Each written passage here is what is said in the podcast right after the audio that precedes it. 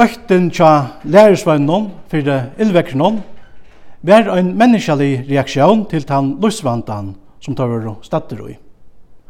Og i iverført om tøttnitje kom det òsne være øtner og jokkara løyve som høyt okkon, og så vidt sjálfsagt òsne er bensje fire. Så vidt av bygge og i inngangskollekne sleppa vi ikke undan sorg og møtgengje og i hesson løyve.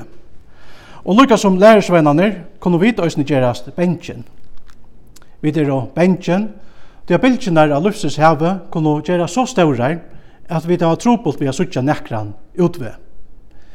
Vi kjenner okkon løytel og hjelparleis i fyrir tar større bildene og i løyvene, særlig at det snur seg om løying og deia.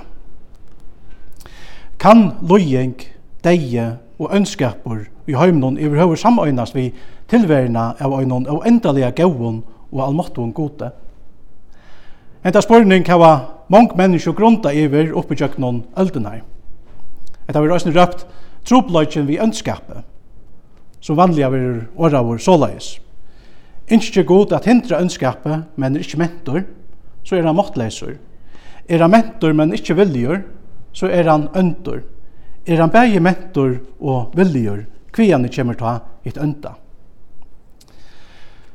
Trupleikin vi løying og ønskapet er ikkje berre ein intellektuellur trupleikin, nekka som vi tar tropult trupult vi har skilja. Trupleikin er òsne særa kjensleboren. Og i bøyblene koma jeg her kjenslene er òsne til kjøntar. I salme 20, vers 8, lesa vi til dømes. Hvor stendet du, Herre, så lengt av løy, hvor fjaller du til av neierstund? Kjent i enskje rithøvenden C.S. Lewis, grunda i òsne iver enda sama trobleikan. Og i bøkene berur kristendomur, etla mer Christianity av enskon, sier han, Grundgjøving moin i møte gode vær, at allheimren tøktes så øntur og øvrattviser. Men kvian i heie finnes hetta hosgåte om rattvise og øvrattvise. Anke for å sija at ein strike er skaiv, som ikkje ser fyrir seg hvordan en bøgnstrike er. Kvett berri hentan allheimen sama vi ta i kallaði han oratvisan. Spyr C.S. Lewis. Så løye ta jauar, passar tropløyken vi løying og ønskape best inn i eina kristna heimsfætan. Det at vi tæva så å sija eina bøyna striko a samanbæra hina skøyvo strikna vi. Hette det som C.S. Lewis òsne fikk egin i oppfyrre hos sin løyve, og han det òsne kristen. Sambars kristna og heimsfætanene er løying og ønskapur tropløyken tja menneskene og tropløyken som god vil løysa. Hvordan gjør god så til han? Innskjer han at hindre ønskapet, men er ikke mentor, så er han mattleser. Er han mentor, men ikke viljer, så er han øntor. Er han bægi mentor og viljer, kvianne kommer ta et ønta. Og vi trykker jo, at god bægi er mentor og viljer. Han er allmåttor og gaur dagen lengan, i alla rævr.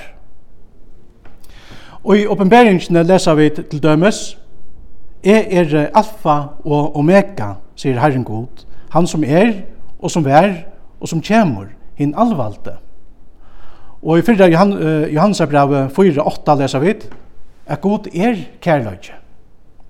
Så leser vi God lustur i bøypene. God er kærløyge. Men så igjen, God er kærløyge, Og så gjerne han er allmåttor, hver han kommer ta et ønta. Hvert er ønskaper i grunnene. Vi vil gjerne til snir spørningen, noen sier kyrkjefeiren Augustin, ønskaper hever ikke nekra positiva naturo, men terpi av gøsko hever finnst høyte ønskaper, sier Augustin. Høyast ønskaper er verligjør, så kan ønskaper korsen ikke sies å være nekka uisa sjolvun sambarst Augustin. Og han legger også denta at om gøska ikke er til, så kan ønskaper heldur ikke være til. Ønskaper er jo fravera av gøsko. Ønskaper er negativur. Det er en mangel, et tap og et tråd. Vi vujtjande skapan heimsins lesa vi er god, løyt at ötlun som han er gjørst, og så vidt det var sera godt. Fyrsta Mosebok, kapitel 8, vers 31. Det var sera godt. Og brunalia var alt sålai som god vildi hava, at det skulle være godt. Men om alt var sera godt i fyrstene, hva er så opphavet til lojinsna og ønskapen og i heimno. Og i samband vi avnoktanna, da vi avnokta djevelen og alla gjerningar hans og alla etbor hans, sier uh, danske presteren Henrik Høylund til dømes.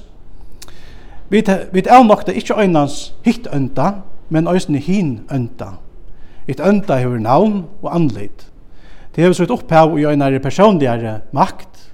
I Bibelen hever han fløyre navn. Djevelen, Satan, Høvdingen i Hesun Høyme, den gamle ormeren, drekjen. Bibelen sverar ikkje på hver djevelen kommer fra. Okkur spender av, at han kan være en av Guds mektige andaveron som kallas ønklar. Djevelen er kanskje en øngel som er gjørst opprøster imot gode. Men øngel verlig fragrøying ver djevelen på hvordan hekta lasse gjerra i fyri hinnom almåttua gode. Og hvordan det overhøver kan være at en ønde fikk nekra avvirskan og Guds gaua skapanavirske. Bibelen er snøkt sagt møyra ahua og at vi sokken hvordan vi blua leis fra djevelsens makt enn å grøya fra hvordan djevelen gjørtes endur, sier Henrik Høylund. Sverre til spurningen om hvordan djevelen gjørtes endur er altså fjallt for jokken. Sverre til spurningen om hvordan menneska gjørtes endur er her at møte ikke fjallt for jokken. Bibelen grøy nemlig fra hvordan armeren, djevelen, frosta i Adam og Evo og i Edens gær og hvordan det er fotlo i synd. Og vi fattler noen trångt i et ønda seg i noen til okkona. Paulus han sier det øyne, øyne stenne, i Rammerbranon. Tess vegna lukka som synden kom inn i høymen vi øynon menneska, og degin vi syndene. Og degin så det trångte seg i til öll menneska, av tog at de synda og öll. Sambars Bibelen er syndafall, eller syndafallna støvan og fylkjene av henne, nekka som djevelen og menneska er orsøk til, og ikkje god. Det stendur eisen i Jakobs braunon, kapitel 8, vers 13, «Dia god er ikkje frostavur av ytlun, og sjálfur frostar han onkan. God er gaur. Alt brøttest vi syndafallnum. Menneska brøttest, heimeren brøttest, vierskiftene, eller vierskiftene brøttest. Hinn opprunalega gaua verden som god skapa jeg, vær spilt. Og en spilt vær ber vissar spiltar omstøver og spilt menneske.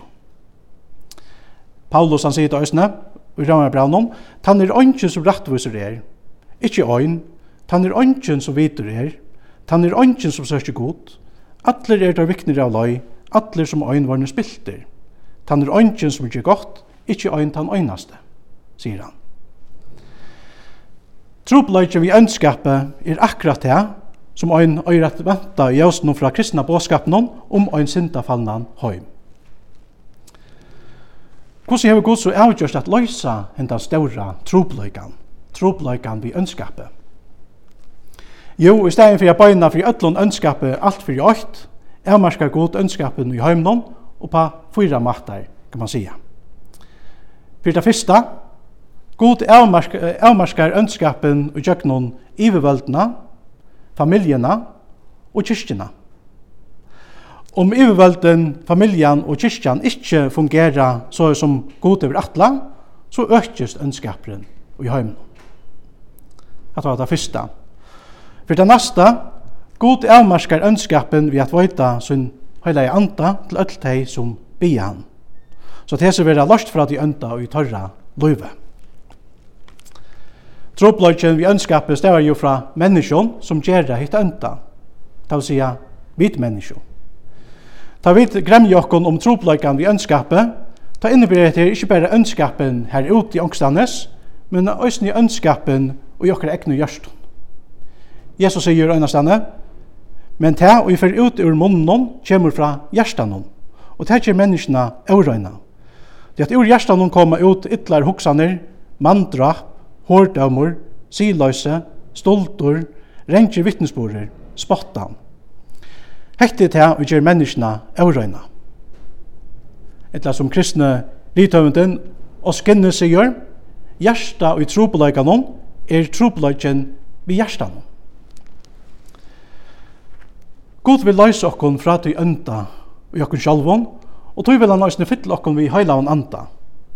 Øysen Paulus, han sier, gengi fram og i andanon, og ta skulle det alls ikkje fullføra gjernt talsens. Fyrir ta tria, ta kjemra ein dævor, ta god fyrir at bøyna fyrir öllun ønskap i øyna fyrir fyrir allar. Vi vujande helvete, sier danske presteren Jens Ole Kristensen til dømes, Ta kjemra ein dævor, ta god fyrir at rutta upp i öllum tøy auratvisa som vit menneske har vært nøytt til at liva undur. Ta fyrir a visa seg at dette ikkje var ein taumur og høpesleisur allheimur som vi bo i og enn stutta tøy mittlen vøkko og grøv. Nei, rattvise finst verliga. Det er god finst verliga. God fyrir beina fyrir öllun ønskapet, og han fyrir at skapa eina nudja gjør. Dette kan vi tøysen lese om i sørste bøkene i bøyplene, i oppenberingsene, er det stentor. Og vi sa nudjan himmel og nudja gjør, det er den fyrre himmelen og den fyrre gjøren var horven, og hevet var ikke langer til. Og så stegen høyleia, et nutja Jerusalem, stod jeg nere av himne fra gode, bonan som broer og i skrytt fyrir mannesøgnon. Og jeg hørte herre rest fra hasetten og så sier, så i kjaldbo gods er tja menneskene. Og han skal bygge tja tøymon, og de skal være falkansere, og god sjolvor skal være tja tøymon. Og han skal torska kvart tar av egen tøyra. Og degen skal ikke langer være til, ikke heldur sorg, ikke heldur skrutsk, Ikke heldur pynsla skal langt være til, til at et fyrra er færre. Og tann som jo har sett noe sett sier, så i er gjer i atlar loter nudjar. Men kvi hever god ikkje lengst siden felt inn endalega daumen iver atlan heimsens ønskap. Kun spyrja. Jo, det skyldast hans er kærløyga til okkon menneskjo. Om daumeren fall nu, så er daumen òsne bore glættan vissar iver öll teg som hava som ikke har vendt om til Jesus enn. Om Jesus kom atter klokkan 12, hver hadde vi så være ein minutt i 12. Sverre til spurningen hvor stekker god ikke ønskap noen, er det samme som til spurningen hvor stekker god ikke mer, hver jeg for en kjer i okkur skøyft. Det er som Petter apostel sier, ikke dralar herren vi fyrjottanne, så er det som sommer halda ta fyrir gjerne dralan men heldur er han lengt møvjur vid ikkon, av at han ikkje vil at nekkar skal glættast, men at atler skulle komme til omvendingar. God elskar öll menneskje og vil hava öll menneskje til å komme til svinn, inn i himmelutje. Fyrir det fjaura, God hefur sendt sin egna son inn i heimen fyrir dotja fyrir sindarar. Vi rammer brannen her sentor, til at medan vi enn var og voik, døye Kristus til ansetta tøy fyrir godleis. Det er vatla man nekkar genga og i deian fyrir en rattvisan. Fyrir en gaua kom vere at onkur hei vilja døy. Men god søgn er kærløyka søgn til okkara er tøy at Kristus døye fyrir okkon mian vi enn våre sindare. Så mykje heldur skulle vi ta skulle vi ta, nu vi er rettforskjørt vi blau i hans herra, vi er frelst vi honom fra røyene. Og Jesus er bjauar god, syndaron fyrigjeving og frelso fra Guds døme og røye. Sindar er kom nå, og Jesus er få fullkomna nøye. Og her er vi fyrigjeving for alt det ønda som teg har gjørst i torra løyve. Hin er å få fullkomme rattvise, og være dømter for alt det ønda som han sjálfur har gjørst i løyvnum.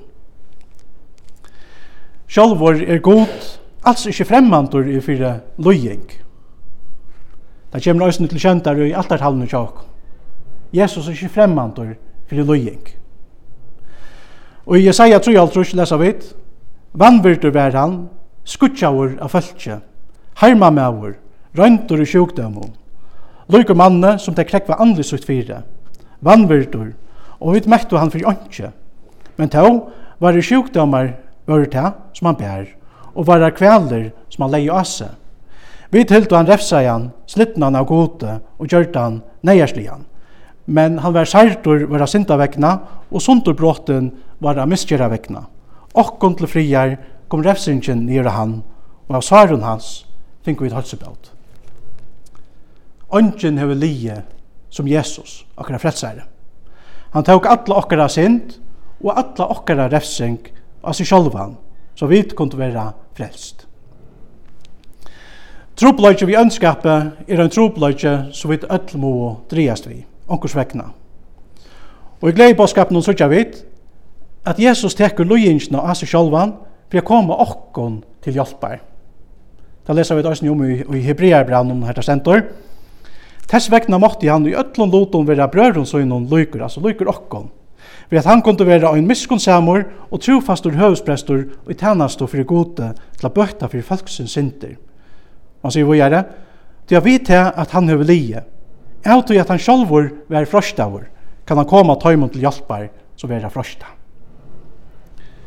Og Golgata, sørst du hvordan nekve god til vi gjørs for at bøyna ønsker bostor. Og Golgata, sørst du øsne tvær rånsmenn, annar høyre megen og annar vinstre megen. Og akkurat svær til tropløyka vi ønskapet kommer Og sørste ætløvo at vi er lykka som sværene tja rånsmånen. Enten er vi eimjok og bia god om sintana fyrirkjøving, ytla finnas vi til honom og sia at han ikkje vil gjørst alt nå godt. Men om vi tittja oppa krossen nå lunge, så sørste vi at god velja hever gjørst alt det som skal til for å bøyna ønska bostor og bjerga og en sinta fannan heim. Jesus er Guds løsning på tropleikan vi ønskapet, vi stortan. Det er nekver avsvereir spurningar, og vi kommer nok alltid å standa spyrjande da det kommer til et her store evne. Til dømes vi vujande løying, som tidsis å vera pura møyningsleis. Løfsens sikling er hør. Så hør at hon òsne kan få okkon til å råpa lukka som lærersveinane gjør du av sinne, Herre, bjerg okkon, vi kan ga bostur. Og i neiene, og ta alt hittjest meningslest, er den beste tilgangten nok at gråta saman vi om gråtande. At lyta av Jesus, råpa av han og avhaldande, og halda fast vi vana om hitt nutja Jerusalem. Som vi leser Janne, og han skal torska kvørst her av egen døyra. Og degen skal ikkje langt være til, ikkje heldur sorg, ikkje heldur skrutsk, ikkje heldur punsla skal langt være til, til at hitt fyrra er færre. Og ta et fyrre er færre, er ikke langer nekkar trobløyke vi løying og ønskapet. God av lov for det. Lov og takk og atler høyer, vil det her, god og varon, fægir sine og høylaun anda, som alt du i hev vere, er og alltid verur, øynsannur, tru øyne god, ha lovavur fra fyrste opphavet, nu om atler avr. Amen.